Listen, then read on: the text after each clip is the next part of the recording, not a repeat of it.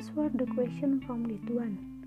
With the many negative impact of globalization affecting the next generation of the nation, is the role of civic education needed to overcome this problem?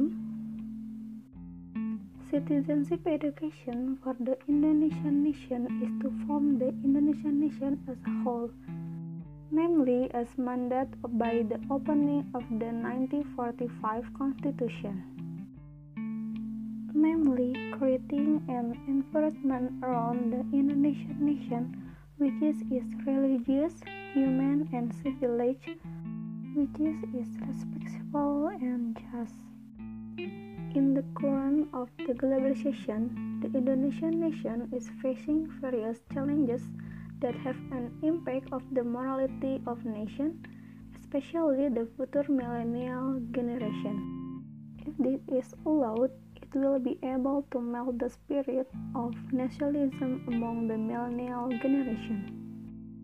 Citizenship education teaches citizens how to not only submit and obey the state, but also teach citizens to be tolerant and independent. Education like this provides knowledge for the future generation, skill development, and development of public character.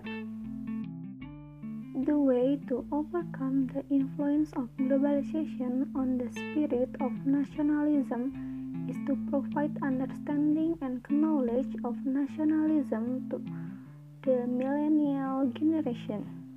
So as to be able to form a mentality among the millennial generation to become a millennial generation who has a personality has a feeling of love for the nation and country and are willing to sacrifice for the nation and Indonesian country.